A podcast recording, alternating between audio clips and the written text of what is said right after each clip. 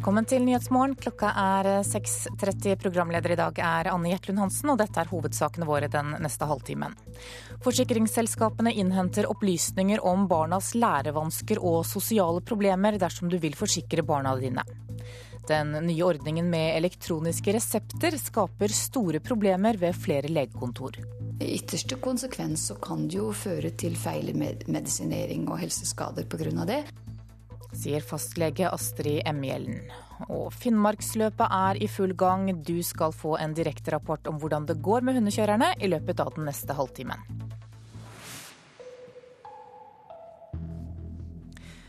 Men først skal det handle om barneforsikring. Norske forsikringsselskaper henter ut sensitiv informasjon om barn fra PP-tjenesten når barn skal forsikres, det skriver Aftenposten i dag. Informasjonen brukes til å vurdere om foreldre skal få forsikret barna sine. Har barnet ditt lese-, språk- eller skrivevansker, sosiale problemer eller dårlig konsentrasjon? I så fall ligger det sensitive opplysninger om dette hos pedagogisk-psykologisk tjeneste, PP-tjenesten, i kommunen. Men ikke bare der, forteller Aftenposten i dag. Norske forsikringsselskaper henter nemlig ut informasjon fra PP-tjenesten når barn skal forsikres. Informasjonen om barna kan gjøre at foreldrene ikke får forsikret dem, eller at forsikringen blir dyrere. De som jobber i PP-tjenesten synes det er ubehagelig å gi ut informasjon til forsikringsselskapene, selv om det skjer med foreldrenes samtykke, skriver avisa. Hvert år lagrer PP-tjenesten informasjon om rundt 8% av norske skolebarn. I tillegg kommer informasjon om barnehagebarn, og denne informasjonen kan altså hefte ved barna i lang tid. Fornyings- og administrasjonsminister Rigmor Aasrud har bedt Finansdepartementet se på saken. Reporter var Torkjell Tredal. I går startet lønnsoppgjøret og dermed dragkampen om 40 milliarder kroner. En arbeidsgiver vil dele ut kvinnetillegg allerede før forhandlingene har begynt. Statsråd Rigmor Aasrud har som mål å oppnå likelønn i staten. Det jeg er glad for, er at uh, i de tre åra jeg har ledet lønnsoppgjøret, så har uh, kvinners andel av menns lønn økt fra 93% til 96% Det syns jeg er veldig bra. Det skyldes uh, mange faktorer. Det at vi har prioritert kvinnegrupper i lønnsoppgjøra. Og på arbeidstakersiden sitter bl.a. LO-statssjefen Tone Rønholdtangen og tar imot kvinnetilleggene. Nei, altså, Det er jo ikke overraskende, da. Eh, statsråden har jo vært veldig tydelig på hva hun mener om eh, likelønnet, og hvilke ambisjoner hun har på kvinnenes vegne i lønnsoppgjøret i staten, så jeg er ikke overraska. Tall NRK har innhentet fra Fornyings-, administrasjons- og kirkedepartementet, viser at kvinners lønn som del av menns lønn har økt jevnt og trutt til 96% 100% vil si likelønn. Vi har samme intensjon enn vi, og da refererer jeg til det vedtak som ble gjort av LOs representantskap 19.2, eh, hvor det også ble slått fast at eh, likelønn er viktig for LO, og da er det også viktig for LO stat. Statsansatte fikk et godt lønnsoppgjør i fjor også, særlig kvinnene. Og statsråd Rigmor Aasrud er klar til å dele ut kvinnetillegg i år igjen. Vi har fått en del flere jenter med girl power, som gjør at eh, de ikke tar til takke med den lønna de ble tilbudt. Og det syns jeg er bra, for det ser vi nok oftere før at menn gjorde det enn kvinner. Reporter her var Hedvig Bjørgum. Den nye ordningen med elektroniske resepter skaper store problemer ved flere legekontor. Dataprogrammet for reseptene henger seg opp og må restartes flere ganger om dagen. Dette fører til forsinkelser for leger og helsepersonell, sier kommuneoverlege Vegard Høgli i Skien. Han har nå sendt bekymringsmelding til Fylkesmannen der han ber om hjelp. Her er de ekte medisinene, på en måte, og så pakker det seg en hel haug med medisiner her nede er gamle, eller som er nye eller foreskrevet. Og så lager det en masse feilmeldinger. Så det, det er bare det er masse rot, rett og slett. Masse. Fastlege Astrid Emhjellen må restarte datasystemet mange ganger daglig. Dermed må hun vente mye. Det må også pasientene. Pasientene opplever en forsinkelse hos oss i betjeningen og servicen på telefon og i luka og sånne ting, fordi at vi hele tida i våre arbeidsprosesser blir forsinka. Vi har dataproblemer, vis tålmodighet. Denne beskjeden er det første pasientene møter i luka ved legesenteret Legene på Li i Skien. Det er ikke det eneste legekontoret med problemer, sier kommuneoverlege Vegard Høgli, som er bekymra over problemene som bare blir verre. Det som gjør at jeg er litt bekymra, er at det ser ut som problemene øker i omfang etter hvert. Etter hvert som den samla datamengden bygger seg opp i maskinene. 1545 legekontor bruker e-reseptsystemet, og kun et fåtall har problemer, opplyser Eivind Bergem, avdelingsdirektør ved e-reseptavdelinga i Helsedirektoratet. IT-problemet er sammensatt, men de prøver å bistå leverandøren, sier han. I mellomtida øker frustrasjonen hos legene i Skien. Nei, I ytterste konsekvens så kan det jo føre til feilmedisinering og helseskader pga. det. Eh, men jeg håper at vi er så påpasselige at vi unngår dette for pasienten sin del. Men Frykter du at det kan skje? I verste fall så kan det skje, ja. Reporter her var Solfrid Leirgull Øverbø. Etnisk norske foreldre velger vekk Slettebakken skole i Bergen. Det sier rektor Anita Shefford. Nesten halvparten av elevene ved skolen har innvandrerbakgrunn. Og også ved andre typiske innvandrerskoler vokser andelen fremmedspråklige. Burundi, Syria, Somalia, Bangladesh Tyrkia. Rektor peker på døren til et av klasserommene. Elevene har tegnet flagget til hjemlandet sitt. Om lag halvparten av barna på skolen her er fremmedspråklige. Vi har en av eh, tredjeklassene. Der er det eh, 70% fremmedspråklige. Og det er f.eks. bare én etnisk norsk jente i den klassen. Anita Shepherd er konstituert rektor ved Slettebakken skole. Hun opplever at etnisk norske foreldre velger vekk skolen. De ønsker heller at barna skal gå på skoler med færre innvandrerelever, tror hun. Vi får jo lister over hva slags elever som eh, hører til oss rent eh, geografisk. Eh, og da ser vi jo det at det er mange norske barn på de listene, men de velger oss vekk. Jeg tror det er en redsel for det fremmede. Det synes jeg er urovekkende at det blir en gettofisering på enkelte skoler i Bergen. Det sier Tina Hafstad Karlsson, som er FAU-leder leder ved Ny-Kronborg skole. Også den i Årstad bydel, og med 47% fremmedspråklige. Karlsson sier det er en stor utfordring å integrere de utenlandske elevene når de er så mange. I perioder så har vi hatt ganske mange henvendelser fra norske, etniske norske foreldre som har vært bekymret for eh, at det har vært stor andel av minoritetsspråklige barn ved skolen. På Slettebakken gjør de mye for å integrere elevene i nærmiljøet. Annet har de en egen jentegruppe som følger barn til fritidsaktiviteter og bursdager. For noen år siden hadde skolen problemer med vold og uro. Det finnes ikke i dag, ifølge rektor. Og hun får støtte fra FAU-representant Elisabeth Johansen. Hun har aldri vurdert å sende barna til en annen skole. Vi sogna til denne skolen eh, og hadde ingen betenkeligheter med det. Reporter her var Siri Løken. Forbrukerombudet mener flyselskapet Norwegian bryter markedsføringsloven. Årsaken er at selskapet skryter av å være det mest punktlige. Det finnes to måter å beregne punktlighet på, avgang og ankomst. Norwegian har valgt avgangsstatistikken. Her er de landets mest punktlige flyselskap, og bruker dette til å utrope seg selv til punktlighetsvinner 2012. På ankomststatistikken er det imidlertid SAS som er klart best. Derfor setter Forbrukerombudet nå ned foten overfor Norwegian. Ombudet mener folk er mer opptatt av om flyet kommer frem tidsnok, enn om det tar av til rett tid. Derfor mener de at Norwegian driver med villedende markedsføring, noe som er i strid med markedsføringsloven. Norwegian derimot mener at de har loven på sin side. Informasjonssjef Lasse Sandaker Nilsen sier at avgangsstatistikk er en offisiell måte å beregne punktlighet. Forbrukerombudet har gitt Norwegian en frist til 4. april med å droppe bruken av punktlighetspåstanden. Reporter her var Vivian Stensrud. Da skal vi ta en kikk på dagens aviser og se hva de har på forsidene sine i dag. Din nye toghverdag er overskriften hos VG. Avisa skriver at den rød-grønne regjeringen lover nye tider for deg som reiser med toget.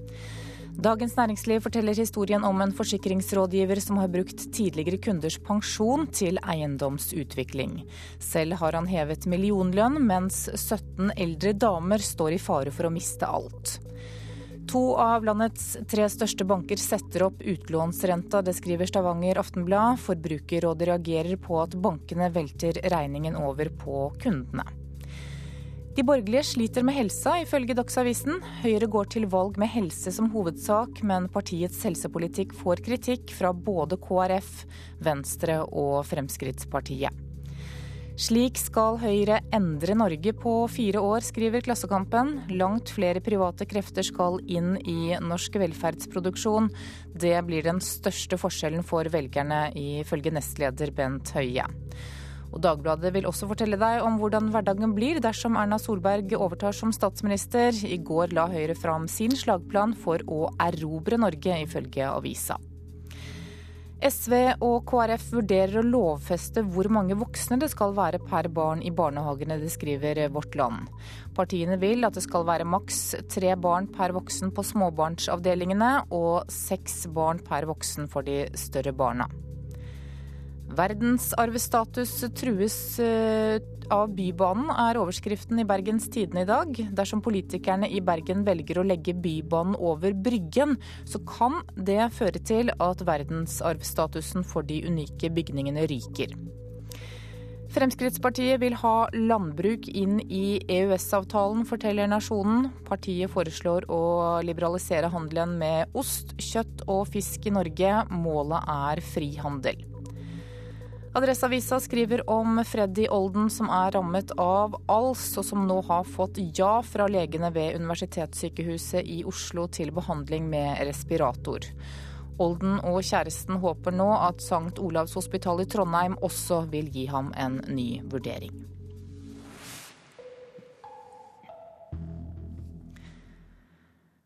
Da skal vi til trekkhundløpet Finnmarksløpet, som nå er i full gang. Og Hans Petter Dalby, NRKs ekspertkommentator under Finnmarksløpet, du har fulgt utviklingen i løpet i natt. Hvordan ligger det an akkurat nå?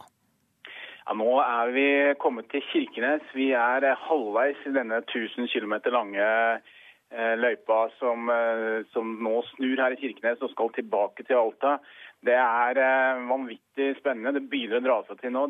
De kjørerne i tet har nå snart fullført denne obligatoriske 16-timershvilen sin, som, som, alle kjørerne må ta.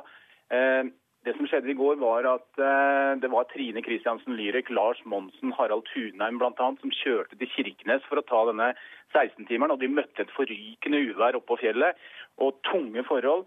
Mens det altså var andre i tet-gruppa, som Haaland, og Robert Sørli og Thomas Werner bl.a., som valgte en annen strategi å legge seg igjen på Neiden, de har nå kjørt over i natt på gode spor, og altså har kjørt fortere enn de som tok sjansen på å kjøre hit til Kirkenes natt.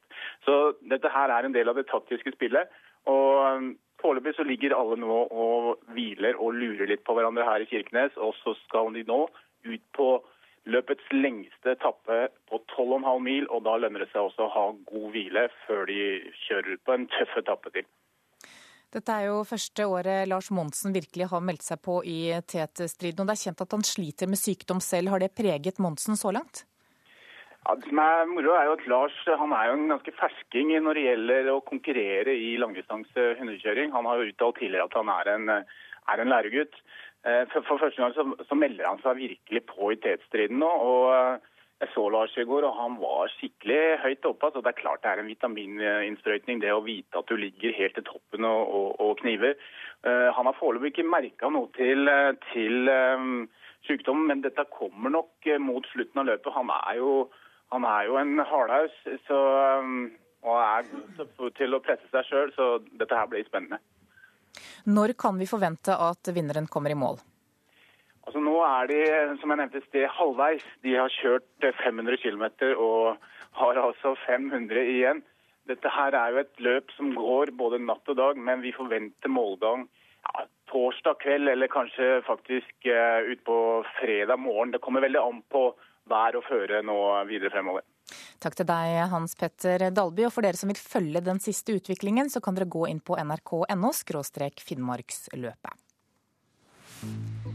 Du hører på Nyhetsmorgen i NRK P2 og Alltid nyheter. Klokka er 6.45, og dette er hovedsaker i nyhetene i dag. Forsikringsselskapene innhenter opplysninger om barns lærevansker og sosiale problemer dersom du vil forsikre barna dine. Den nye ordningen med elektroniske resepter skaper store problemer ved flere legekontor. Og boka Hel ved hindrer likestilling og integrering av innvandrere. Det mener en svensk kjønnsforsker.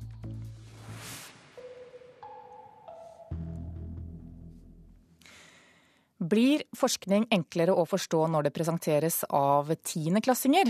På opplevelsessenteret Polaria i Tromsø så kan du de neste månedene se plakater som er laget av elever ved Sommerlyst skole, og temaet er klimaendringer. En av elevene, Ina Muladal, tror publikum skjønner det nokså tunge forskningsmateriet bedre når det er tiendeklassinger som har laget det. Det tror jeg. At vi kanskje bruker mer i uttrykk og sånn, som eh, kanskje noen som ikke, er, som ikke er forskere kan skjønne. da. Og, at, eh, ja. og det er fint. da. Dere skjønner det sjøl? Ja, vi skjønner det sjøl. Jeg har lyst til at vi skal applaudere for hverandre, og at dere, særlig for dere, for det er dere som har gjort en fantastisk jobb her. Formidlingskoordinator Helge Markusson ved Framsenteret står i lag med rundt 20 tiendeklassinger i en trang gang på opplevelsessenteret Polaria i Tromsø. På veggene henger det plansjer, eller postere, med bilder og engelsk tekst. En tekst som handler om ulike problemstillinger knytta til klimaendringer. Og Ina Muladal og han Markus Abeler har jobba i lag. Vi har tatt utgangspunkt i tungt nedbrytbare forurensere som eh, eh, hoper seg opp i Arktis. Og så har vi sett på hvordan det kan påvirke næringskjeden der. Hvordan gikk dere i gang? Hva dere starta med å gjøre? Eh, vi starta med å bare komme med ideer, og så begynte vi bare å undersøke litt på forskjellige nettsider. Og ja, vi har lest oss veldig godt opp på, på internett. Hva dere synes om denne måten å eh, lære på? Eh, jeg syns det har vært veldig greit å lære på en sånn måte at vi på en måte går litt bort fra den vanlige undervisninga i, i, klasserommet. Og eh, jeg føler at jeg har lært utrolig mye med å jobbe på en litt annen måte. Det blir veldig interessant da. Før elevene begynte å jobbe med plakatene, så har de vært på forelesninger ved Universitetet i Tromsø. Det forteller Pål Sørensen, som er lærer på Sommerlyst skole. Så da er vi eh, er våre tiendeklasser en hel dag på universitetet og får en fire-fem-seks forskjellige forelesninger om, eh, om klima, miljø, forvaltning, økologi, evolusjon med et sånn klimatisk bakteppe. Og så ender det opp med at de presenterer resultatene sine på en, en, en vitenskapelig poster som det her. I løpet av de neste månedene så vil rundt 15 000 mennesker passere utstillinga. Og bl.a. få se plakaten han Marius og Ina har laga. Jeg syns det er veldig bra. Jeg føler at eh, de temaene som vi har gjort forskning, forskning rundt, er viktig. Og at eh, befolk hvis befolkninga kan bli opplyst av det, så føler jeg at det, at det er noe som er, som er, positivt. Og at denne typen forskning kan være enklere å forstå når det presenteres av tiendeklassinger ja, Det er Helge Markusson ved Framsenteret helt enig i.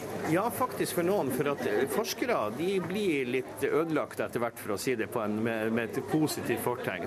Eh, man eh, går kanskje, blir litt for eh, terminologi, termologiavhengig, og man snakker fra forsker til forsker. Men disse elevene har først måttet forstå det sjøl før at de kunne fortelle det ut. Og sånn er det kanskje med både meg og deg. Jeg har en sånn, sånn, sånn tese når det gjelder forskningsformidling at mora mi skal forstå det.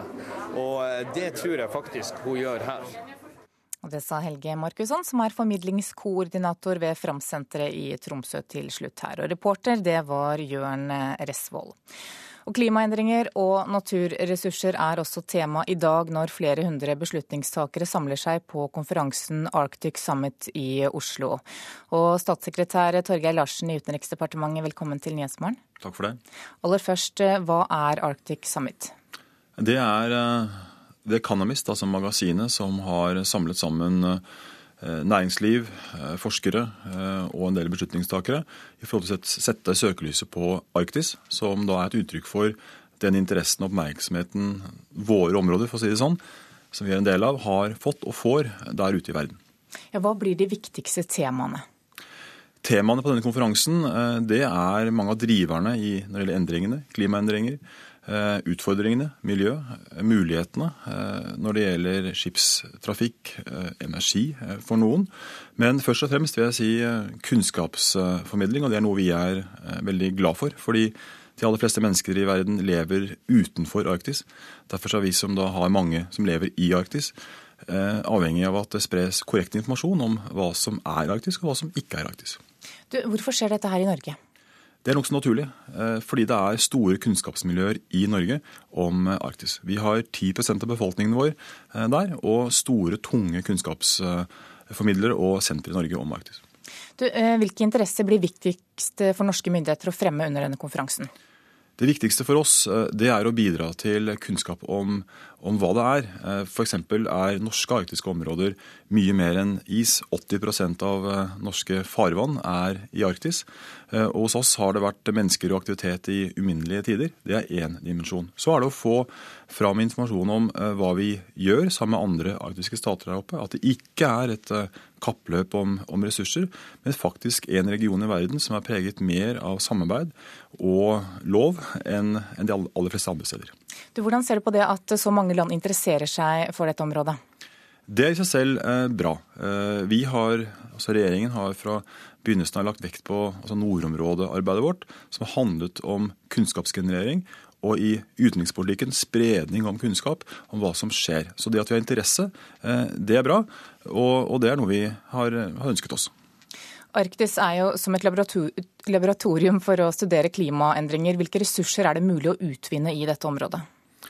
Det er eh, energi, eh, det er transport, og så er det ikke minst alle de fornybare ressursene som har vært der lenge i våre farvann. Fisk, annen biologisk. Eh, det, det det handler om, er mye at gjennom at isen smelter, som er en tragedie på mange måter, det er et uttrykk for klimaendringer, men gjennom det så øker aktiviteten. Det er også da muligheter i den aktiviteten, men også utfordringer. Og Det er det som vil være fokus på mange av disse postene som Economist kjører i dag. Lykke til. Takk for det. Statssekretær Torgeir Larsen i Utenriksdepartementet. Aldri tidligere har så mange elever valgt eh, kunstfag på de videregående skolene. Hvert år så kommer det nye skoleplasser innen musikk, dans og drama, og i år så er tallet på elever rekordhøyt. Men vi trenger ingeniører, ikke flere musikere, sier NHO, som mener at staten bør gi bedre råd til de som er unge. Elise Vatn øver til opptaksprøve hjemme på Hadeland. Går det som hun ønsker, vil hun til høsten gå på den nye musikklinja på Akademiet videregående i Oslo. Jeg tror det vil bli veldig bra for meg å gå på en videregående i det miljøet da, med de så flinke lærere og sånt. Det er bare at du er musikkinstitutt som starter musikklinje etter modellen med toppidrettsgymnas, sier Alf Rikard Krager. Det tilbudet vi har laget, eh, laget nå, det er uh, bygd på den samme modellen som toppidrettsgymnasene. Dvs. Si, uh, at de har musikkfag knyttet til en studiespesialiserende retning. Aldri før har så mange elever valgt seg kunstfag på videregående.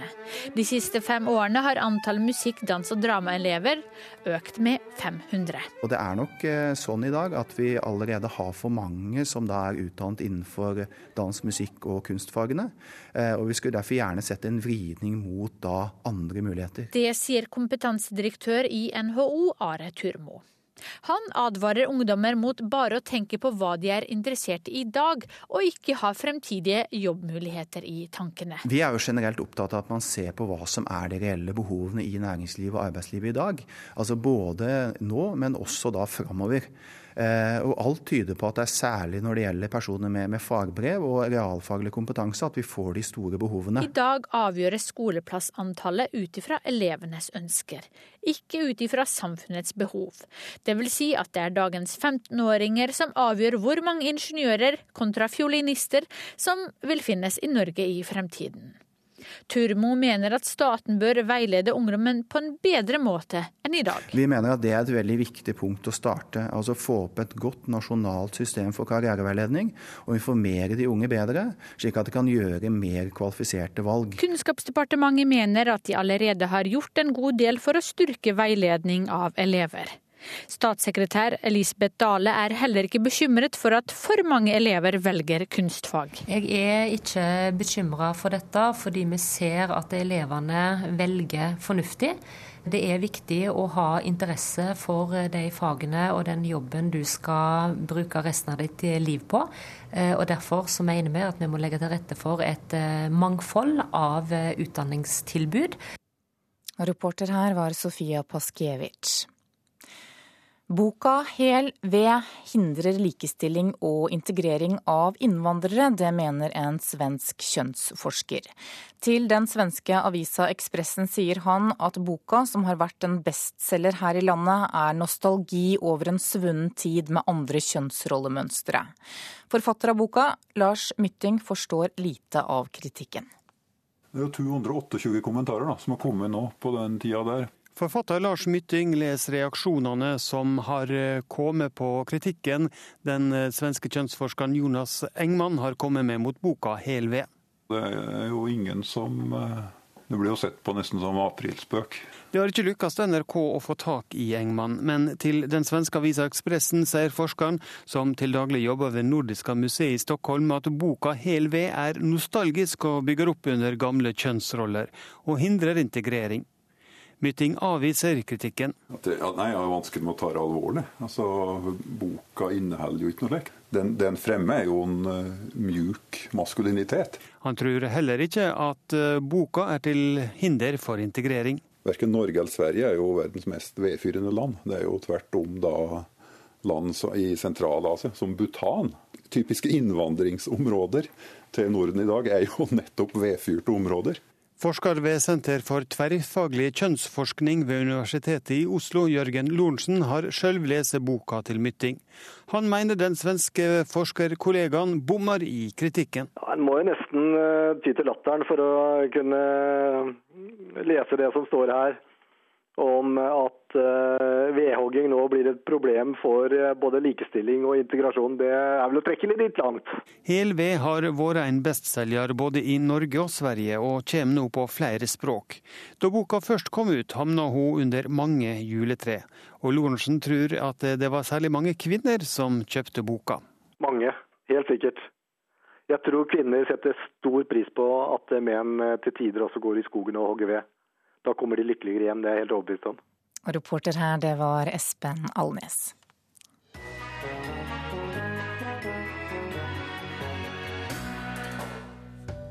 MS-13 er verdens største gategjeng. De er fattige, overtatoverte gutter og menn med våpen som dreper og kidnapper folk over hele Mellom- og Nord-Amerika. Nå har de begynt å handle med tunge våpen som tanks og raketter. Du kan høre mer om MS-13 i Radioselskapet klokka 11.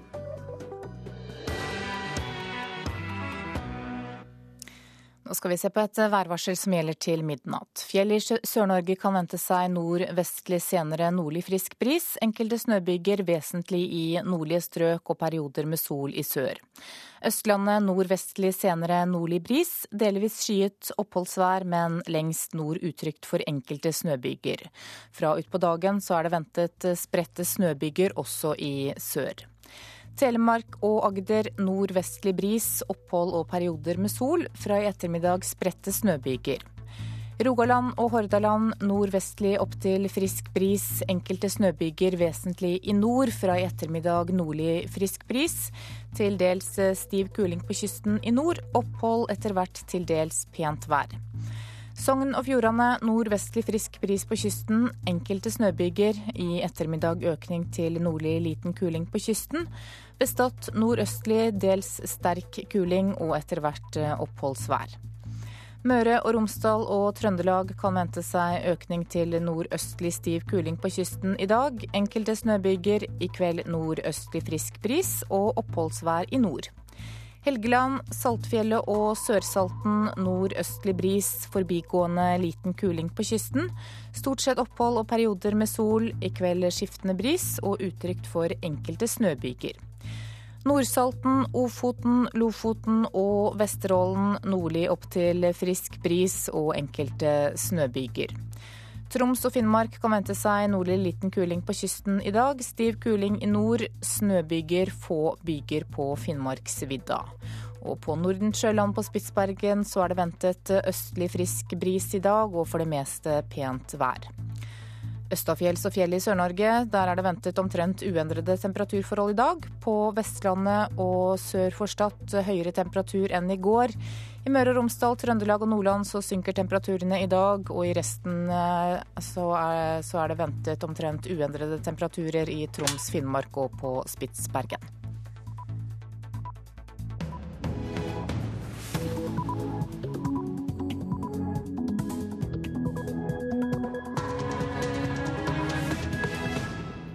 Da er klokka sju. Du lytter til Nyhetsmorgen med Anne Jetlund Hansen i studio. Her er en nyhetsoppdatering. Psykisk syke må lyve for å få hjelp. Folk må gå på legevakten og si at eh, de er suicidale eller at de er hallusinert og har tanker om å gjøre skade på seg selv eller andre for at de skal bli tatt hånd om. Sier Eva Rognvik i nettforumet Hieronymus. Mannen som er siktet for drapet i Kautokeino i helgen, husker ikke noe av drapsdagen. Og Han har eh, også blitt spurt om han husker noe fra promillekjøringa. Det gjør han heller ikke. Sier politiadvokat Ernst Pettersen. Norske foreldre velger vekk skoler med mange innvandrerelever. Det sier en rektor i Bergen. I dag kommer 115 kardinaler med stemmerett sammen i Vatikanet for å velge en ny pave. We will have a pope by the end of the week. I don't think this is going to be a long conclave. And they're well prepared. They know what they have to do. Ja, Prestetalsmann Thomas Rossica sier at det ikke vil ta lang tid før vi har en ny pave på plass. Og sikkerheten i norske tunneler er altfor dårlig, det mener Norges Automobilforbund. Psykisk syke må lyve for å få hjelp. Ventetiden for å få hjelp i psykiatrien har økt siden 2008. Og mange av dem som venter, har ikke alle de problemene som legejournalen deres viser. Jeg satt og ringte i ja, jeg tror nok 14 dager, og da, da ga jeg opp. Da var jeg så sliten og så liksom jeg bare tenkte at nei, dette her klarer jo aldri jeg.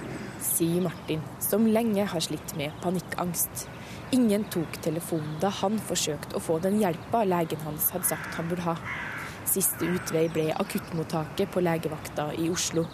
Der fikk han snakke med en psykiater. Han jeg var hos da, han blei vel litt svett i maska. Og, og spurte meg igjen liksom seriøst har du virkelig tenkt disse tankene. Ja, sier jeg. Det, det, har jeg gjort. Og jeg har overdose liggende hjemme, som jeg har vært på plata og kjøpt, sa jeg til han. Jeg hadde ikke det.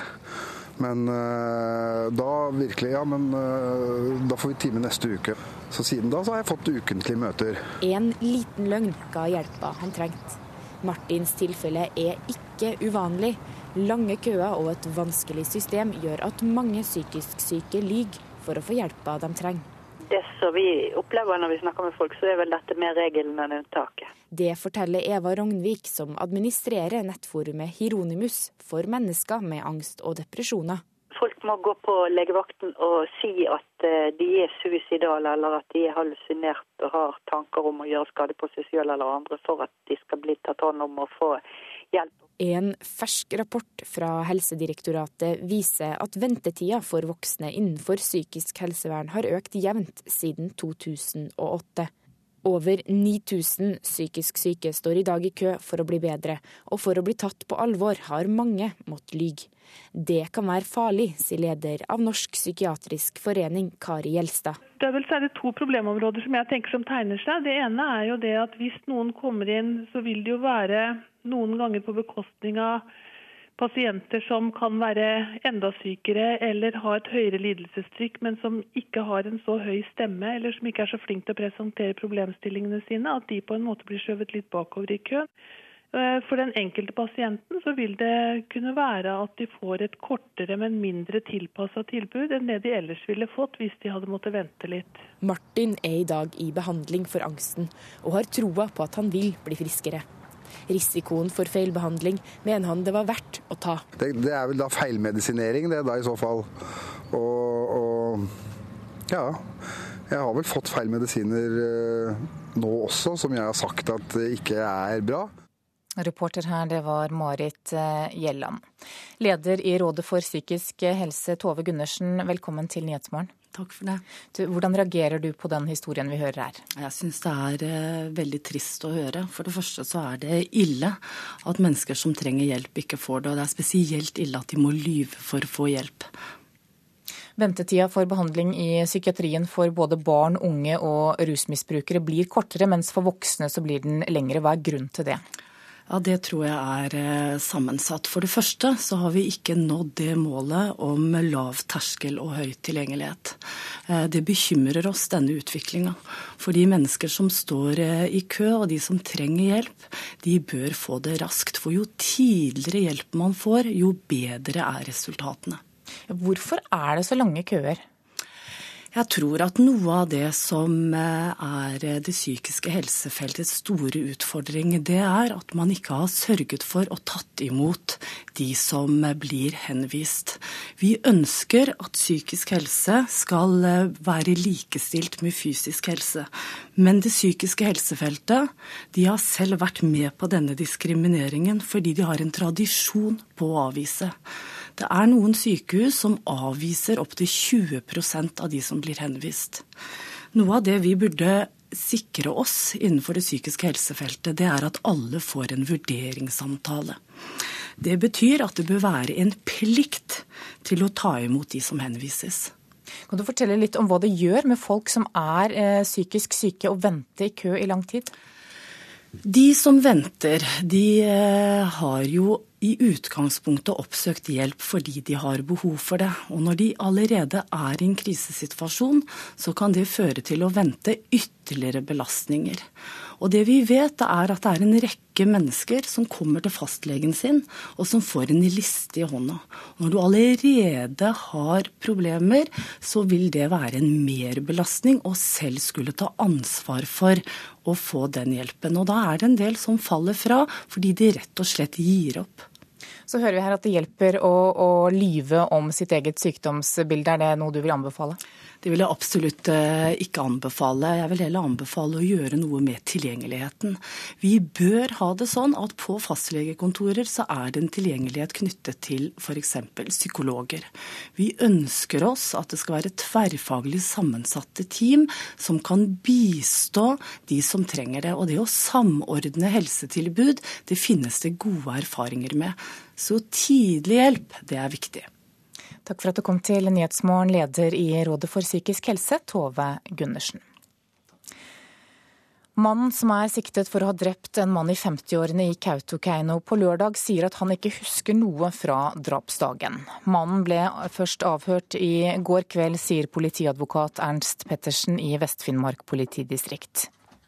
Den siktede har ikke vært i stand til å avgi forklaring i dag, så det må vi avvente til i morgen. Det sa politiadvokat Ernst Pettersen etter pressekonferansen Vest-Finnmark politidistrikt holdt i går kveld.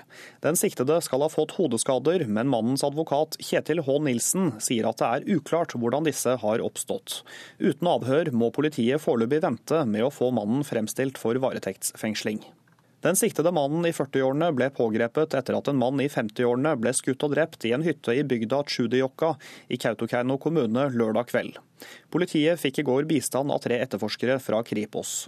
Så langt er det for tidlig å si noe om motivet for drapet, sier politiadvokat Pettersen. Det motivet som eh, er til stede, det må vi da gjennom etterforskning prøve å få klarlagt. Og vi skal etterforske bredt i denne saken for å få brakt det på det rene. Og mannen har samtykket til fire ukers varetektsfengsling. Reporter her var Kaspar Fuglesang.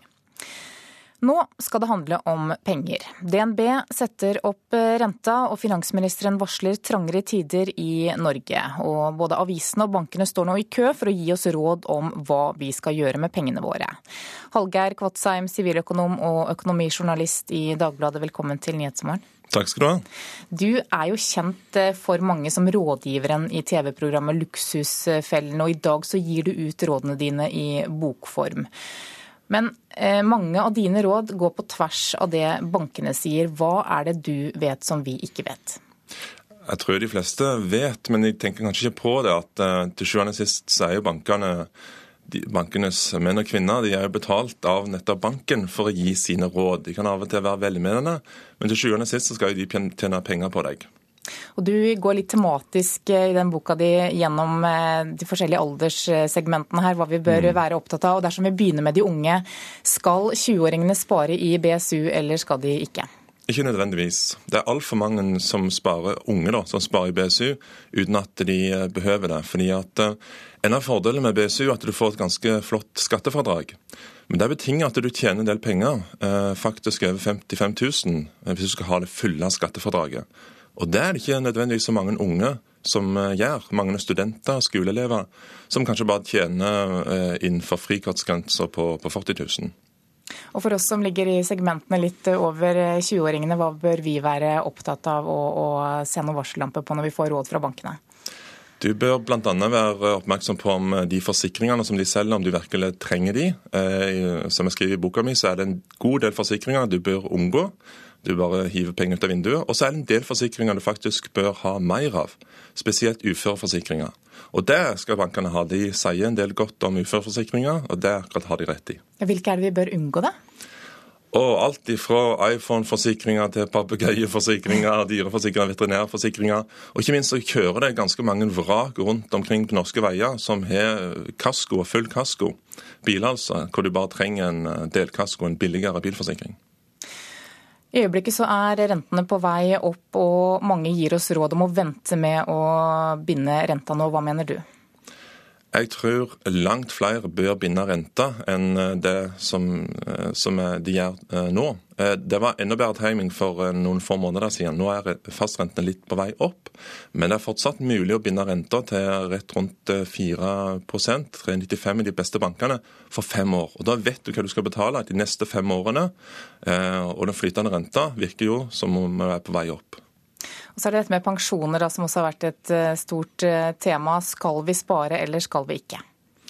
En, eh, de fleste bør sette av litt penger til pensjonssparing. Ikke nødvendigvis i de produktene som bankene tilrår. Det kan godt være at du rett og slett heller skal betale ekstra ned på boliglånet ditt.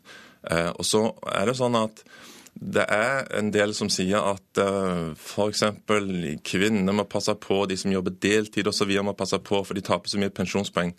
Sjekk heller med Nav f.eks. om hvor mye du egentlig taper på f.eks. å jobbe deltid. For det er ikke nødvendigvis så mye som mange og bankene sier eller frykter en gjør. Gratulerer med bok, Harald Kvadsheim, siviløkonom og økonomijournalist i Dagbladet. Klokka er 7.15. Eh, du hører på Nyhetsmorgen i NRK P2. Dette er hovedsaker i dag. Psykisk syke må lyve for å få hjelp. Ventetiden for å få hjelp i psykiatrien har økt siden 2008. Forsikringsselskapene henter opplysninger om barns lærevansker og sosiale problemer dersom du vil forsikre barna dine, skriver Aftenposten. Og den nye ordningen med elektroniske resepter skaper store problemer ved flere legekontor.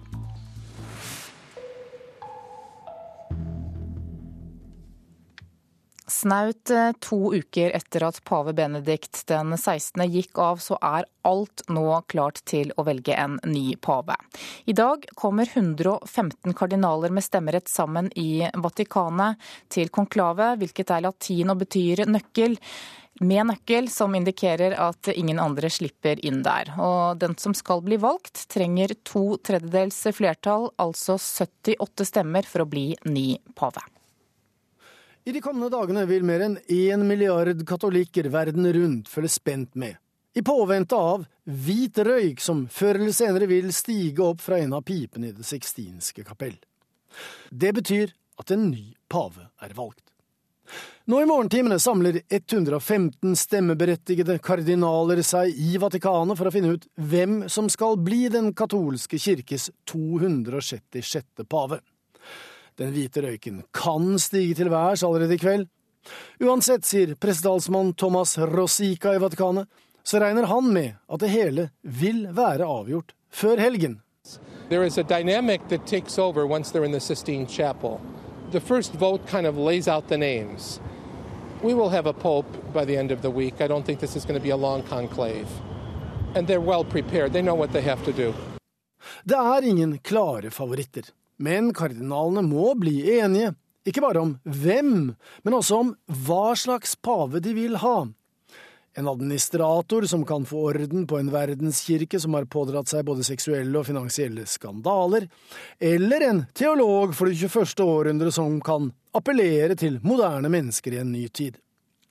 Uansett så må han, for det blir en han, eh, så må han som blir valgt, arbeide langs begge disse aksene, teologi og omdømme.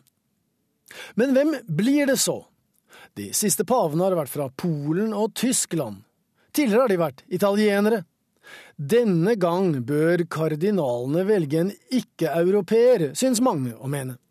Erkebiskopen av Manila på Filippinene er én kandidat, kardinalen av Sao Paulo i Brasil en annen. Kirkeledere fra så vel Ghana som Nigeria nevnes som mulige paver fra Afrika, mens USA også har to sterke kandidater fra henholdsvis New York og Boston. Men også Canada og Argentina har sine kandidater som fremmes, og det finnes andre. Og så er det som vanlig italienerne. Der regnes nok erkebiskopen av Milano som den mest sannsynlige. Men ingenting er sikkert, og mange er nevnt, og noen er helt sikkert også glemt. Men når det spekuleres i så mange navn, så kan det ta tid før de blir enige, og den hvite røyken altså kommer. Og rent praktisk, forpleiningen for de isolerte kardinalene er adskillig bedre ved dette pavevalget enn tidligere. En smule mer komfort nå enn så sent som i 2005. Det borger i hvert fall for at det ikke blir tatt noen hasteavgjørelse, men losjia er heller ikke så behagelig at det frister til et lengre opphold enn nødvendig. Og siden det snart er 200 år siden et konklave varte i mer enn fem dager, så har verden høyst sannsynlig en ny pave før påske. Det sa vår reporter Joar Hoel Larsen. Pål Brattbakk, pressekontakt i Oslo katolske bispedømme, velkommen til Nyhetsmorgen. Takk for det. Du, Er du spent i dag? Jeg er jo litt spent. Kribler litt ekstra i morgentimene nå i dag. Eh, så får vi se hvordan eh, Nå er det ikke så mye spennende som skjer i dag, kanskje. De skal kanskje stemme en gang i dag. Eh, så fra i morgen så begynner det å bli enda mer spennende. Hva er de siste signalene fra Roma nå? Er det noen klar kandidat? Det er vel det det ikke er. Eh, så noen tolker det i den retning at vi da får et litt lengre konklave enn eh, de siste to gangene. Eh, de siste pavene har blitt valgt på to-tre dager. Men da har det også vært kandidater som har skilt seg mer ut, ifølge en del av de kardinalene jeg har sett uttales til i løpet av helgen. Nå står det mellom ti-tolv stykker, eh, kanskje. Og da kan det jo ta noe lengre tid for å få to tredjedels flertall. Hva er det første som skjer når kardinalene kommer sammen i dag? Først er at de da klokken halv fem i dag eh, går i prosesjon inn i Det sistinske kapell mens de synger og, ber om forbønn. Der inne skal de ha først en, en, slags preken, en av kardinalene som skal holde en preken over viktigheten av det de skal foreta. Og så sendes da de som ikke har noe der inne å gjøre, ut, og dørene låses. Og først da skal de bestemme seg for om de ønsker å, å ha en valgrunde også i dag. Hva kommer de til å legge vekt på, tror du? Nyevangelisering er et stikkord som, som går igjen. Eh, dette med forkynnelse er viktig. Eh, fornye vitnesbyrdet vårt. Eh, gi verden håp på en ny måte. Bruke nye ord for å, å kommunisere med en verden som kanskje har glemt litt det teologiske vokabularet. Og det er jeg ikke sikker på om alle kirkeledere helt har tatt inn over seg. Eh, at ordene vi bruker ofte er ukjent for folk, eh, og da kommuniserer det også ganske dårlig. Og Så hørte vi innslaget her at mange ønsker en ikke-europeisk pave denne gangen. Hvordan veies det? Jeg tenker Det finnes gode argumenter både for å velge en italiener og for å velge en ikke-italiener. biskop Bispen av Roma er den som blir eh, pave. Det er egentlig valg til bispestolen av Roma.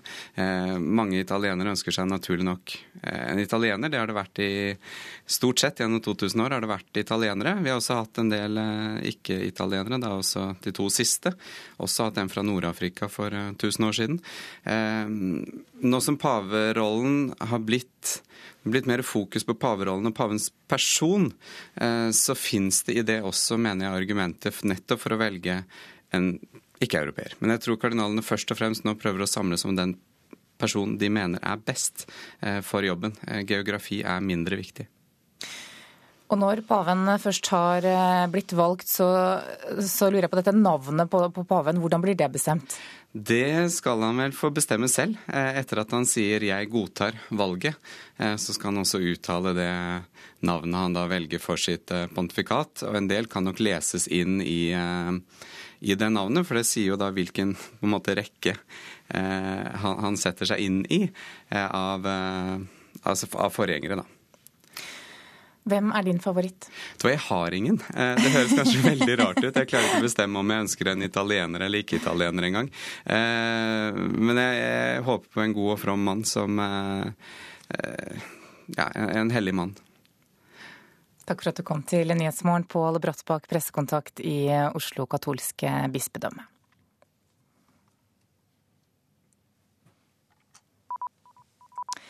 I folkeavstemningen på Falklandsøyene svarte hele 98,8% at de fortsatt vil være en selvstyrt britisk koloni.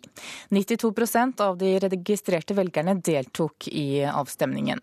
Argentinas president sier at folkeavstemningen er meningsløs og uten betydning for øygruppens fremtid.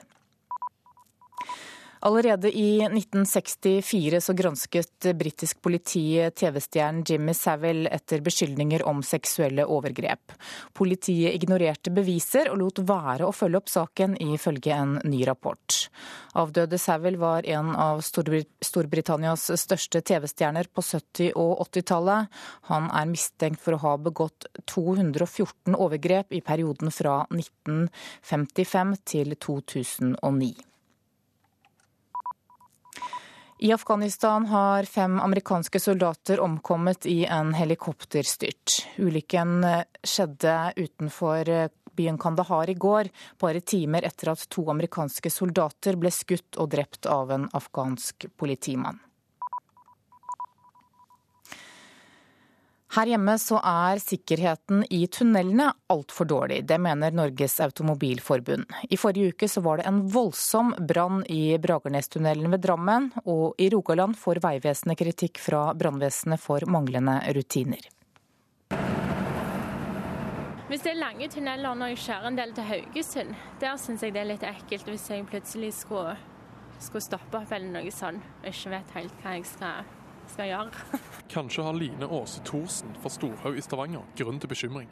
Sikkerheten i norske tunneler er nemlig altfor dårlig, ifølge Egil Otter i Norges Automobilforbund, NAF. Generelt så er jo tilstanden i forfall.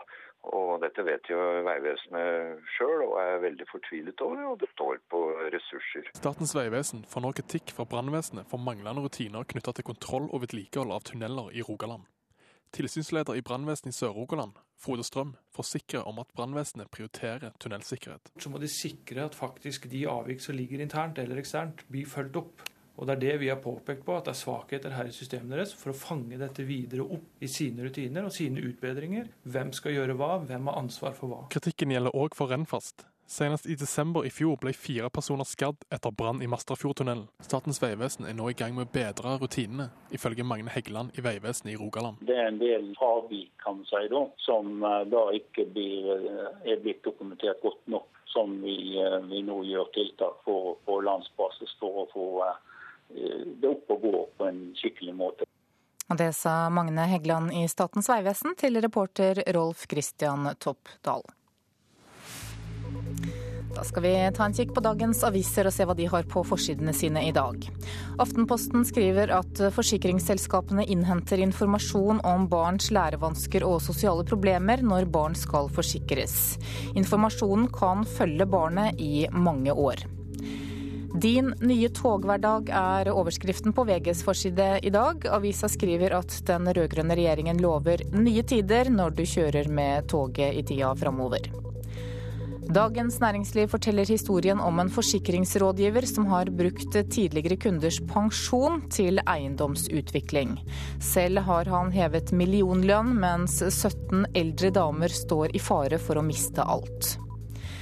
To av landets tre største banker setter opp utlånsrenta, skriver Stavanger Aftenblad. Forbrukerrådet reagerer på at bankene velter regninga over på kundene. De borgerlige sliter med helsa, ifølge Dagsavisen. Høyre går til valg med helse som hovedsak, men partiets helsepolitikk får kritikk fra både KrF, Venstre og Fremskrittspartiet.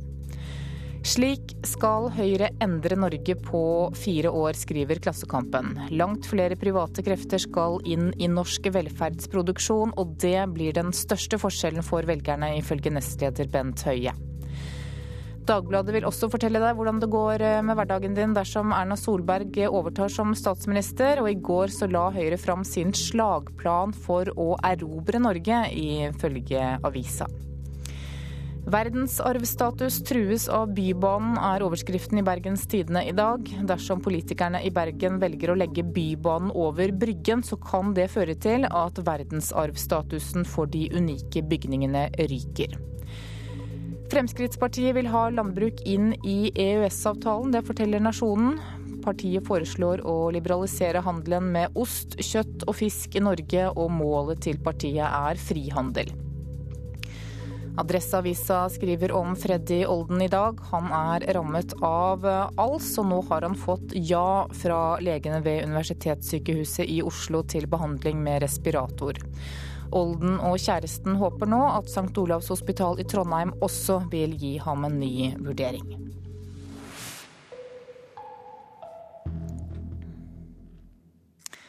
Hva gjorde at en skogsarbeider fra Svarte skauen ble en av våre største lyrikere?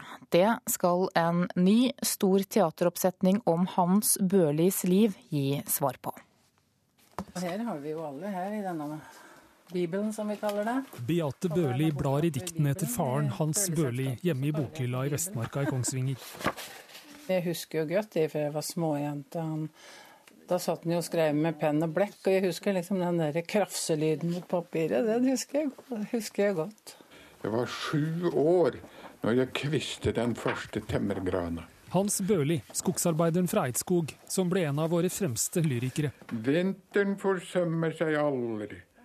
Nå er det tida igjen. Den første snø. Den viktigste dikteren i Norge, syns jeg.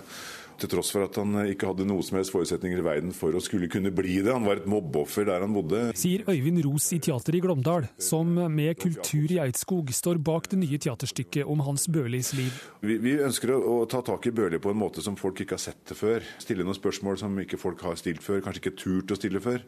Hva er det som får en en raring, han har sagt, en spesiell fyr, en tømmerhogger, vokste opp langt inn på svarteste skogen på Eidskog, til å bli en av landets viktigste lyrikere. Han ble rett og slett erta og kjempa hele tida. Når han hadde gitt ut en diktsamling, du, så, så, ble det så, som sagt at eh, Det ble ikke nevnt på! Altså Kollegaene hans i skogen at han hadde fått kjempekritikker i, i rikspressen. Det ble ikke nevnt på. Janteloven trådte i kraft, vet du. At du er geitebukk og forskjellig. Så det turte ikke jeg gjøre igjen og sitte og skrive så, for, så de kameratene så det. Hva gjorde at en skogsarbeider fra Svarte skauen ble en av våre største lyrikere? Det skal den nye teateroppsetninga om Hans Børlis liv gi svar på. Det var en indre trang, en indre trang som driver alle kunstnere eh, til å fortsette å arbeide uansett hvilken motstand de får. Sier Terje Mæli, som har manus og regi på Børli-forestillinga. Mærli sier stykket vil komme med nye opplysninger om Hans Børlis liv. Vi kan kanskje fortelle noe om en sammensatt personlighet som eh, på mange slags vis uh, viste stor menneskelighet i mange retninger. Vi er uh, hjemme hos Børli. Sier Sverre Eier, leder av Børli-selskapet, som jobber for å samle, bevare og holde levende Hans Børlis liv og forfatterskap. Eier syns det er bra at det kommer et teaterstykke om Hans Børlis liv. Vi syns det er viktig fordi Hans Børli er viktig. Jeg pleier å forenkle det og si at Børli er mikro-makro. Altså Han gjør oss eh, oppmerksom på de nære ting, hvor store de egentlig er. Oppsetninga, som får premiere i Børlis hjemkommune Eidskog, har et budsjett på to millioner og skal ha både nasjonale, profesjonelle skuespillere og lokale aktører i mindre roller. Et som jeg ofte tenker på, det er eh, 'hold sinnet ditt mjukt'. Det er et vakkert dikt. Datter av dikterhøvdingen Beate Børli gleder seg til teateroppsetninga om hennes far får premiere i oktober. Det syns jeg er veldig, veldig spennende, så det ser jeg fram til. Det syns jeg er fint at, eh, at, eh, forfatterskapet hans får et nytt uttrykk. Det syns jeg absolutt, så det gleder jeg meg til. Hva tror du han ville ha sagt om det? Jeg tror han hadde likt det, jeg. Ja. Ja, det tror jeg. Det var jo det han ville, at ordet hans skulle brukes. Dette er en veldig fin måte å få brakt dem ut til folket. Det var det han levde for. Reporter var Stein S. Eide, og vi hørte også Hans Børli i et arkivopptak fra 1987. Du hører på Nyhetsmorgen i NRK P2. Nå straks blir det Dagsnytt 7.30. Produsent for sendingen i dag er Vidar Eidhammer, og her i studio Anne Jetlund Hansen. Hør ekko. Ville du jobbet 30 timer i uka for 5000 kroner kost og losji, minus skatt? Det gjør Norges drøyt 3000 au pairer. Dette er vanlig arbeid, og lønna må derfor opp, sier kritikerne. Dette er unge mennesker som får en unik mulighet til å oppleve en annen kultur, sier tilhengerne. Ekko 9 11 i NRK P2.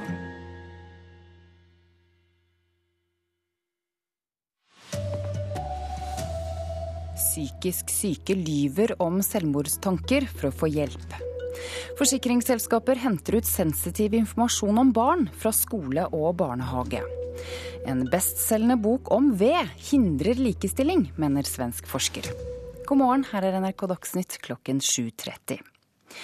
Psykisk syke må lyve for å få hjelp. Grunnen er de lange ventelistene. Rundt 9000 venter nå på time. Etter tre måneder uten å ha fått den hjelpen han trengte, så 47 år gamle Martin seg nødt til å lyve for å bli tatt på alvor. Jeg har overdose liggende hjemme, som jeg har vært på Plata og kjøpt, sa jeg til han. Eh, jeg hadde ikke det. Da virkelig, ja, men eh, da får vi time neste uke. Så siden da så har jeg fått ukentlige møter. Forteller Martin, som sliter med panikkangst. Han er en av mange som fikk hjelp av psykisk helsevesen etter å ha sagt han vurderer å ta sitt eget liv. Det som vi opplever når vi snakker med folk, så er vel dette mer regelen enn unntaket. Det sier Eva Rognvik, som administrerer forumet Hieronymus, som daglig har kontakt med mennesker med angst og depresjoner. I dag venter 9000 psykisk syke voksne på behandling. Rognvik mener de lange køene og et vanskelig system gjør at mange psykisk syke kun ser én mulighet for å få behandling. Folk må gå på legevakten og si at eh, de er suicidale eller at de er hallusinert og har tanker om å gjøre skade på seg selv eller andre for at de skal bli tatt hånd om. Men lyving for å få hjelp er farlig, mener leder i Norsk psykiatrisk forening, Kari Gjelstad. Det er vel særlig to problemområder som jeg tenker som tegner seg. Det ene er jo det at hvis noen kommer inn, så vil det jo være noen ganger på bekostning av pasienter som kan være enda sykere eller ha et høyere lidelsestrykk, men som ikke har en så høy stemme eller som ikke er så flink til å presentere problemstillingene sine, at de på en måte blir skjøvet litt bakover i køen. Eh, for den enkelte pasienten så vil det kunne være at de får et kortere, men mindre tilpassa tilbud enn det de ellers ville fått hvis de hadde måttet vente litt. Reporter Marit Gjelland. Mange gir opp fordi køene er så lange, sier leder i Rådet for psykisk helse, Tove Gundersen. De som venter, de eh, har jo i utgangspunktet oppsøkt hjelp fordi de har behov for det. Og når de allerede er i en krisesituasjon, så kan det føre til å vente ytterligere belastninger. Og det vi vet, er at det er en rekke mennesker som kommer til fastlegen sin, og som får en liste i hånda. Når du allerede har problemer, så vil det være en merbelastning å selv skulle ta ansvar for å få den hjelpen. Og da er det en del som faller fra fordi de rett og slett gir opp. Norske forsikringsselskaper henter ut sensitiv informasjon om barn fra PP-tjenesten når de skal forsikres. Det skriver Aftenposten i dag. Informasjonen brukes til å vurdere om foreldre skal få forsikret barna sine. Har barnet ditt lese-, språk- eller skrivevansker, sosiale problemer eller dårlig konsentrasjon? I så fall ligger det sensitive opplysninger om dette hos Pedagogisk-psykologisk tjeneste, PP-tjenesten, i kommunen. Men ikke bare der, forteller Aftenposten i dag. Norske forsikringsselskaper henter nemlig ut informasjon fra PP-tjenesten når barn skal forsikres. Informasjonen om barna kan gjøre at foreldrene ikke får forsikret dem, eller at forsikringen blir dyrere. De som jobber i PP-tjenesten synes det er ubehagelig å gi ut informasjon til forsikringsselskapene, selv om det skjer med foreldrenes samtykke, skriver avisa. Hvert år lagrer PP-tjenesten informasjon om rundt 8% av norske skolebarn. I tillegg kommer informasjon om barnehagebarn, og denne informasjonen kan altså hefte ved barna i lang tid. Fornyings- og administrasjonsminister Rigmor Aasrud har bedt Finansdepartementet se på saken. Sa reporter Torkjell Tredal. I går startet lønnsoppgjøret og dragkampen om 40 milliarder lønnskroner. Én arbeidsgiver vil dele ut kvinnetillegg allerede før forhandlingene har startet. Statsråd Rigmor Aasrud har som mål å få lik lønn for kvinner og menn i staten. Det jeg er glad for, er at uh, i de tre åra jeg har ledet lønnsoppgjøret, så har uh, kvinners andel av menns lønn økt fra 93% til 96% Det skyldes uh, mange faktorer. Det at vi har prioritert kvinnegrupper i lønnsoppgjøra. Og på arbeidstakersiden sitter bl.a. LO-statssjefen Tone Rønholdtangen og tar imot kvinnetilleggene. Nei, altså, Det er jo ikke overraskende, da. Eh, statsråden har jo vært veldig tydelig på hva hun mener om eh, likelønnet, og hvilke ambisjoner hun har på kvinnenes vegne i lønnsoppgjøret i staten, så jeg er ikke overraska. Tall NRK har innhentet fra Fornyings-, administrasjons- og kirkedepartementet, viser at kvinners lønn som del av menns lønn har økt jevnt og trutt til 96 Statsansatte fikk et godt lønnsoppgjør i fjor også, særlig kvinnene. Og statsråd Rigmor Aasrud er klar til å dele ut kvinnetillegg i år igjen. Vi har fått en del flere jenter med girl power, som gjør at eh, de ikke tar til takke med den lønna de ble tilbudt. Og det syns jeg er bra, for det ser vi nok oftere før at menn gjorde det enn kvinner. Reporter her var Hedvig Bjørgum. I ettermiddag starter samler 115 kardinaler seg i Det sistinske kapell for å bli enige om hvem som skal bli den katolske kirkes neste pave. Det er ingen klare favoritter. Tradisjonelt har paver vært italienske, men de to siste er kommet fra Tyskland og Polen. Nå har flere tatt til orde for at den neste paven bør komme fra den tredje verden, og kardinaler og erkebiskoper fra blant annet Filippinene, Nigeria, Ghana, Brasil og Argentina nevnes som potensielle paver, men det hevdes at det ikke finnes noen klare favoritter. De 115 kardinalene skal stemme to ganger daglig. Hvis ingen oppnår to tredels flertall, blir stemmesedlene brent, og svart røyk varsler at ingen har valgt. Men når 78 eller flere har gitt sin stemme til samme prelat, og hvit røyk stiger opp, da har 1,2 milliarder katolikker fått et nytt religiøst overhode. Sa reporter Joar Ho Larsen. Til helgen starter Eliteserien i fotball. Der er det ingen tvil om hvem som er favoritter. Jeg må si Molde. Molde vinner. Tror jeg blir Molde. Molde. Jeg får si Molde. Molde Jeg går for Molde igjen, jeg. Tippeligakapteinene er stort sett helt enige. Molde blir seriemester også i år. Og Molde-kaptein Daniel Berg Hestad ser ingen grunn til å dysse ned favorittstempelet. Vi er blitt bortskjemt med, med, to gull, så vi kan ikke ta et steg ned. Det blir, blir nedtur. Men uh, jeg håper det blir oss, men det blir, det blir, veldig tøft. Det er mange som eh, har lyst til å ta oss, og vi må ta et steg opp fra i fjor. Men eh, det tror vi tar. Seriemesterne fra de to siste årene har forholdt seg forholdsvis rolig på overgangsmarkedet, og ut døren har det forsvunnet spillere som Vegard Forren og David Claude Anga. Men vikingkaptein Indridi Sigurdsson tror fortsatt Molde-stallen er sterk nok for gull. De har eh, vist de siste årene vært stabile og har en god tropp og bred tropp, ikke minst som, som tåler uh, en uh, hard sesong. Så jeg, jeg tror de er vinner slutt. I Kristiansand derimot, der har kaptein Glenn Andersen troen på at et annet lag kan vippe Molde av tronen. Jeg håper at Start gjør det, men hvis vi skal være litt realistiske, så tror jeg fortsatt Start gjør det. Reporter Olav Havdal Tangenes. Så skal vi høre at boken Hel ved av Lars Mytting hindrer likestilling og integrering av innvandrere, mener svensk kjønnsforsker. Til den svenske avisen Ekspressen sier han at boken er nostalgi over gamle kjønnsroller. Mytting selv forstår lite av denne kritikken. Det er jo 228 kommentarer da, som har kommet nå på den tida der. Forfatter Lars Mytting leser reaksjonene som har kommet på kritikken den svenske kjønnsforskeren Jonas Engman har kommet med mot boka Hel ved. Det blir jo sett på nesten som aprilspøk. Det har ikke lykkes NRK å få tak i Engman, men til den svenske avisa Ekspressen sier forskeren, som til daglig jobber ved Nordiska museet i Stockholm, at boka Hel ved er nostalgisk og bygger opp under gamle kjønnsroller, og hindrer integrering. Mytting avviser kritikken. At det, at nei, Jeg har vanskelig med å ta det alvorlig. Altså, Boka inneholder jo ikke noe slikt. Den, den fremme er jo en uh, mjuk maskulinitet. Forsker ved Senter for tverrfaglig kjønnsforskning ved Universitetet i Oslo, Jørgen Lorentzen, har sjøl lest boka til Mytting. Han mener den svenske forskerkollegaen bommer i kritikken. Ja, en må jo nesten uh, ty til latteren for å kunne lese det som står her om at uh, vedhogging nå blir et problem for uh, både likestilling og integrasjon, det er vel å trekke litt langt. Da boka først kom ut, havna hun under mange juletre. Og Lorentzen tror at det var særlig mange kvinner som kjøpte boka. Mange, helt sikkert.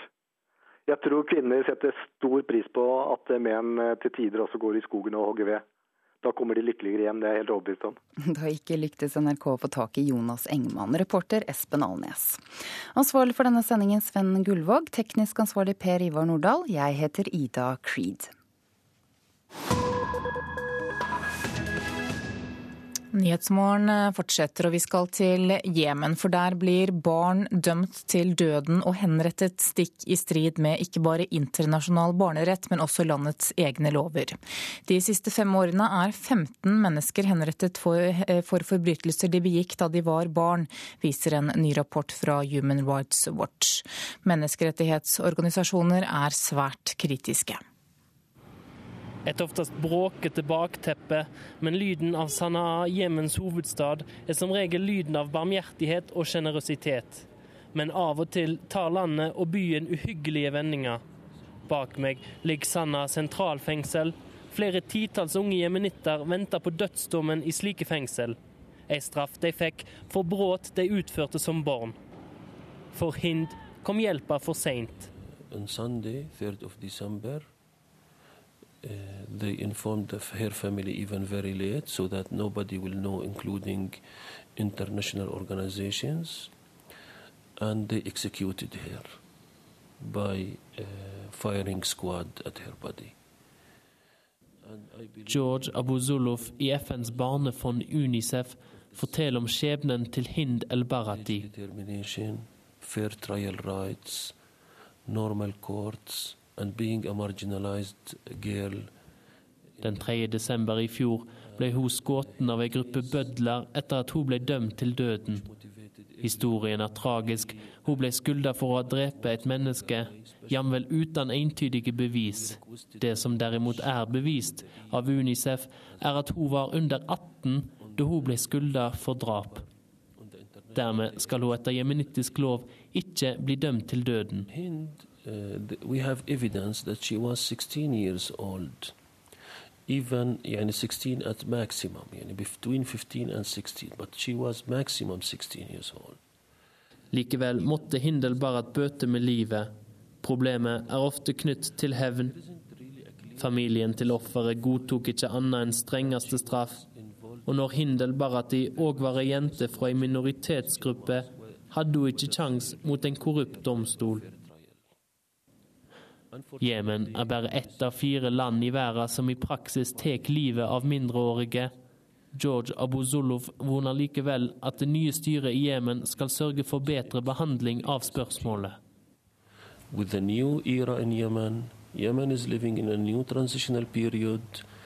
Uh, we are all working together to bring a new Yemen.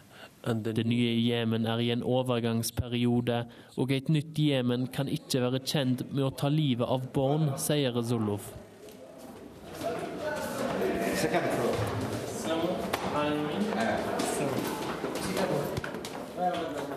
Jeg leter etter departementet for menneskerettsspørsmål, en liten, men vital del av det nye Jemen. Jeg vil vite om menneskerettene til barn blir tatt hånd om i Jemen. Well, um, uh, knowing that the human rights were here two days ago, det at Human Rights Watch var her og gjorde denne rapporten under oppsyn av regjeringa, viser at vi gjør vårt beste, sier Fuad el-Rafari, talsperson i Menneskerettsdepartementet i Jemen. Men han vedgår hans departement har liten erfaring.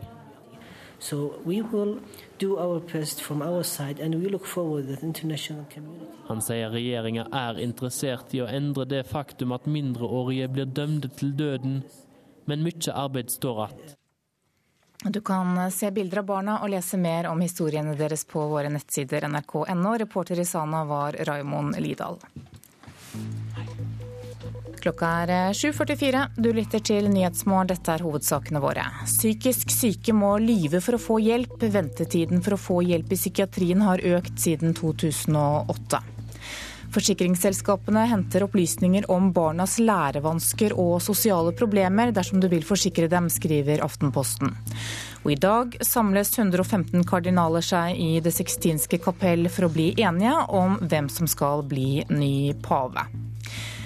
Ikke fire friheter, men fire om frihet blir det hos deg i Politisk kvarter, programleder Sigrid Solund. Valgfrihet er et honnørord i de fleste partier, men valgfrihet for hvem, og til hvilken pris?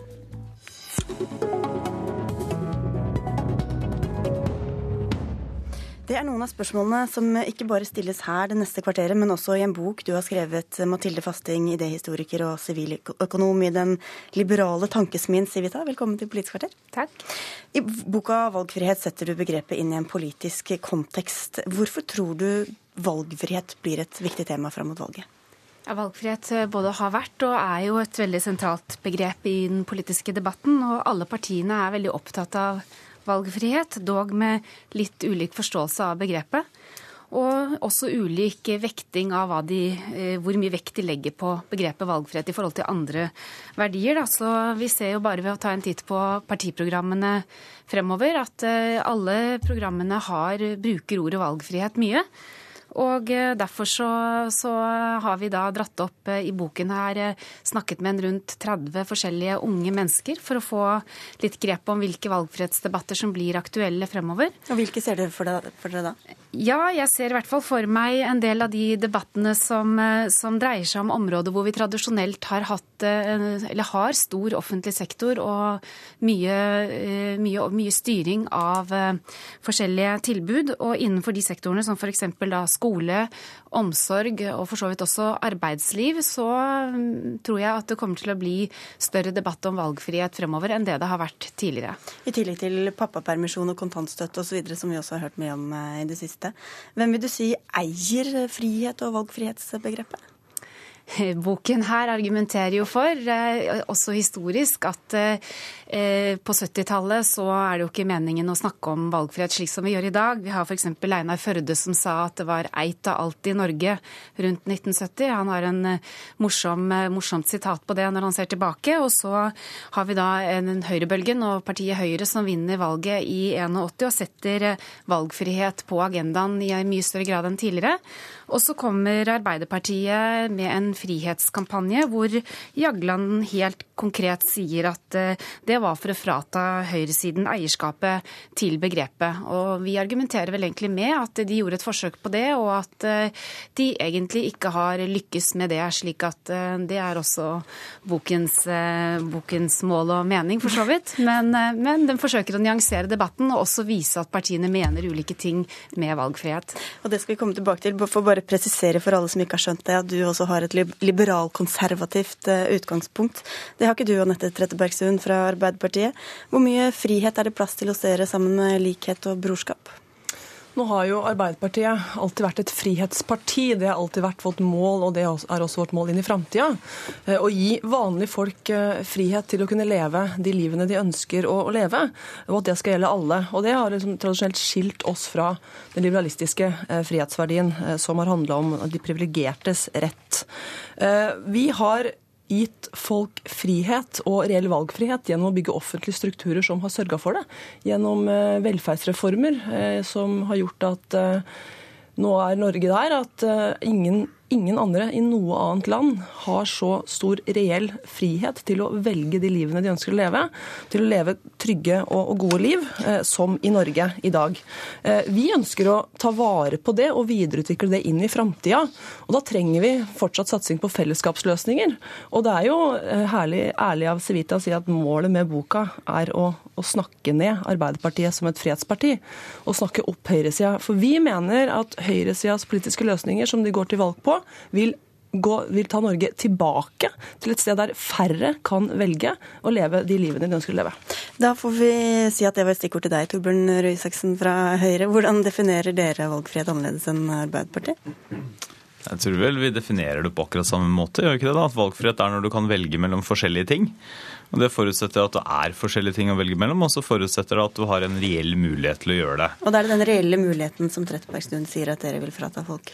Ja, jo, men det blir litt sånn polemisk. Jeg vet ikke helt hva hun tenker på. Ja, men jeg, det kan. Ja, det kan du helt sikkert gjøre etterpå. Men jeg tror at store forskjellen sånn på valgfrihetssynet på høyresida og venstresida, det er nok at hvis jeg skal forsøke å beskrive det som kanskje til og med Arbeiderpartiet kunne vært enig i, da, så er det at venstresida har nok tradisjonelt litt vanskeligere for å godta at hvis du gir folk frihet til å velge, så må du også godta at det blir forskjeller og mangfold. Altså Det er veldig vanskelig å garantere at du får uniforme politiske løsninger som er helt like A4 for alle, hvis du også lar folk bestemme selv. Og Det har nok venstresida litt problemer med å akseptere, rett og slett for da mener de at det blir urettferdig, de mener at dette burde vært fordelt på en annen måte, mens høyresida har høyere toleranse for å si at hvis du velger selv, så er det også greit at det er noen forskjeller. Hvor store forskjeller vil du godta da? Hvor går grensa? Nei, men Det betyr jo f.eks. at hvis du, hvis du, i eldreomsorgen hadde hatt større mulighet til å velge et tilbud som passer for deg, så mener jeg det ville vært bra. Men så sikrer man en likhet ved at det fortsatt skal være skattefinansiert, f.eks. Ja, Nå er jo Torbjørn Isaksen inne på det som er poenget her. For vår, vår frihetskamp og vår, eh, vårt valgfrihetsbegrep innebærer at alle eh, skal eh, ha noe å velge mellom.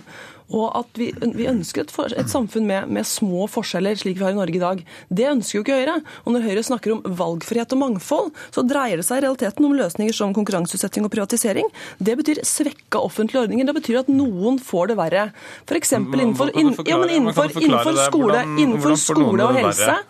Innenfor skole og helse, der dere ønsker å, å åpne for massiv konkurranseutsetting og privatisering, så, så, vil det gå utover noen. det, vil ikke Nei, men la meg snakke ferdig. Det vil, det vil jeg får svare etterpå, da der, de stedene der et marked kan fungere, f.eks. i de store byene, så kan hende det kommer til å fungere bra. Men det vil ikke være verken videregående skole eller sykehus på Tynset i Hedmark, der jeg kommer fra, dersom høyresidas løsninger ja, får slippe løs. Dette er jo sprøyt. Nei, altså, det, du sier, det, du sier, at det vil ikke være videregående skoler noe sted i Norge unntatt de store byene hvis høyresida får slippe til. Det, det, er, det er sprøyt. Men så er det jo historisk så har jo ikke Arbeiderpartiet vært for valgfrihet innenfor de offentlige ordningene engang.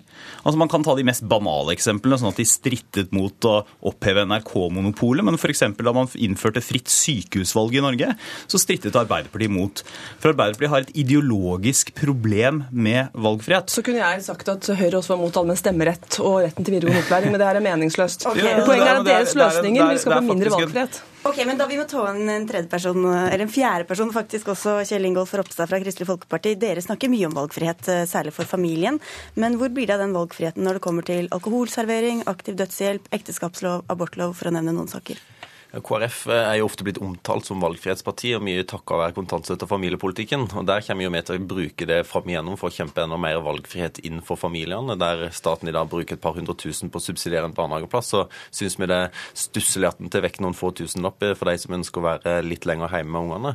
Men, men eh, jeg vil jo si at de som påstår at mer valgfrihet alltid er bra, de, de sporer litt av. fordi at eh, eksempelet som du nevner, eh, eller jeg kan bruke røykeloven, som kanskje er det beste eksempelet. Der du, du likte ikke de andre eksemplene mine? Nei, men, men, alkohol er jo et veldig godt eksempel. fordi at det handler om Hvis du alltid gir ressurssterke mennesker mer valgfrihet, selv om det går utover de som er litt mindre eh, ressurssterke eller svakere stilte, så har KrF alltid sagt at vi stender på de svakere sin side.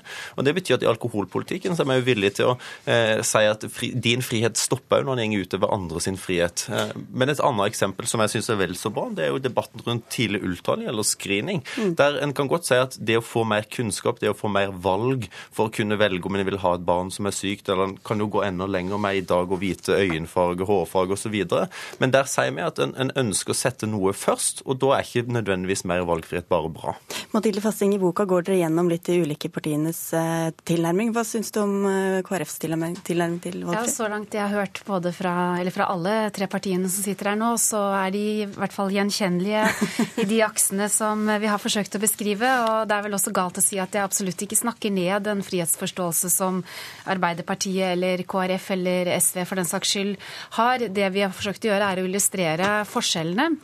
Og eh, det er nok kanskje særlig der som du trekker opp eh, verdivalg. Da vil KrF eh, ha tydelige standpunkter, mens når du kommer til de mer tradisjonelle høyre-venstre-aksene, så, så, vil det være litt annen fordeling blant partiene. Og jeg tror også det er litt viktigere å snakke om at den valgfriheten for, med et liberalt utgangspunkt vil være at du ser på valgfriheten som en egenverdi, altså at det er viktig å kunne velge uansett, og at det vil skape borgerlighet borgere som blir fornøyde nettopp fordi de vil kunne ta ansvar for sine valg. Røe hva syns du om KrFs tilnærming?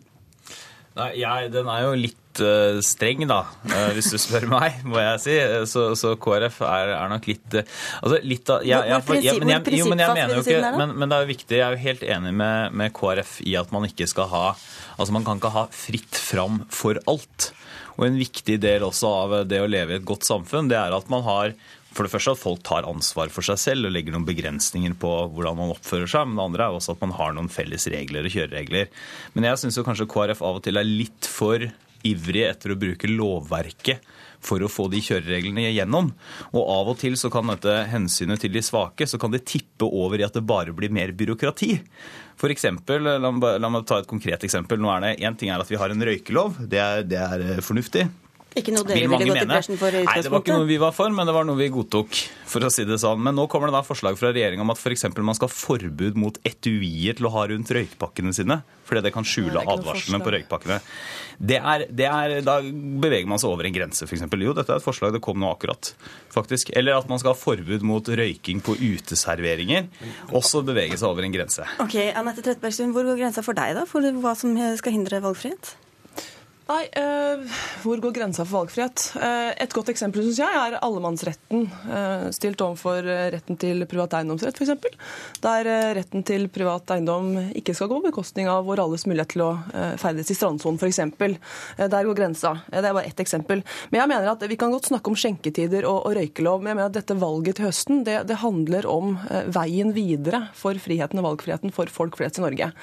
Og Torbjørn Isaksen bør snakke mer om hva Høyre ønsker å gjøre eh, i forhold til de offentlige velferdsløsningene som vi har bygd opp gjennom historien, som i dag sikrer folk i Norge reelle muligheter til å ta egne valg. Gjerne gjør det. Altså, hvis, hvis Politisk kvarter vil invitere oss tilbake til å ha den debatten. Ta likestillingskampen, som har kanskje vært den største frihetskampen vi har ført. Der Høyre nå eh, går for en politikk som vil sette likestillingsarbeidet flere tiår tilbake.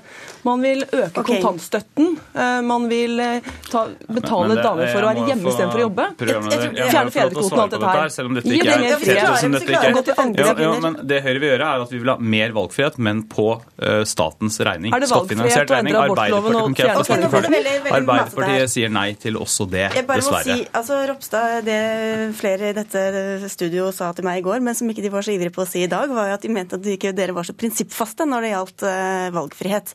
Og, det, det, mener jo jeg er helt feil, men, men, men jeg begrunner det jo ut ifra at eh, vi er for valgfrihet. Men som jeg sier, altså valgfrihet i seg selv er ikke nødvendigvis et gode. Eh, og det har jeg begrunna ut ifra de eksemplene som er her. og Derfor så mener jeg at, som Fasting var inne på Men, men du sier det fordi det går utover den svake parten. Hvor er den svake parten f.eks. i eh, aktiv dødshjelp eller ekteskapsloven? Ja, I aktiv dødshjelp så, så, er det jo soleklart. for det handler om at det, det, det høres så forlatelig ut at du skal sjøl få lov å bestemme når du vil avslutte livet, men en vet at det betyr et enormt press på de som føler seg som en byrde byrde, eller iallfall sjansen for at de føler seg for, som en byrde, blir mye større. og Det betyr at der du naivt sier at du skal få mer valgfrihet, så betyr det at du istedenfor legger et mye større press på.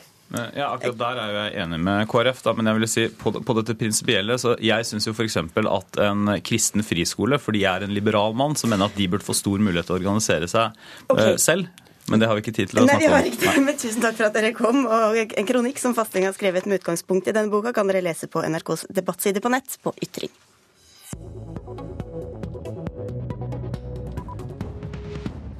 Møkkafolk fra et møkkaland. Somalia består av verdens avskum. Det er utdrag fra kommentarer under en artikkel som Fremskrittspartiets Ulf Leirstein la ut på Facebook om at Norge skal bidra til å gjenoppbygge Somalia. Og under disse kommentarene har stortingsrepresentanten trykket 'liker' tommelen opp, skriver VG Nett. Og hvorfor gjorde du det, Leirstein?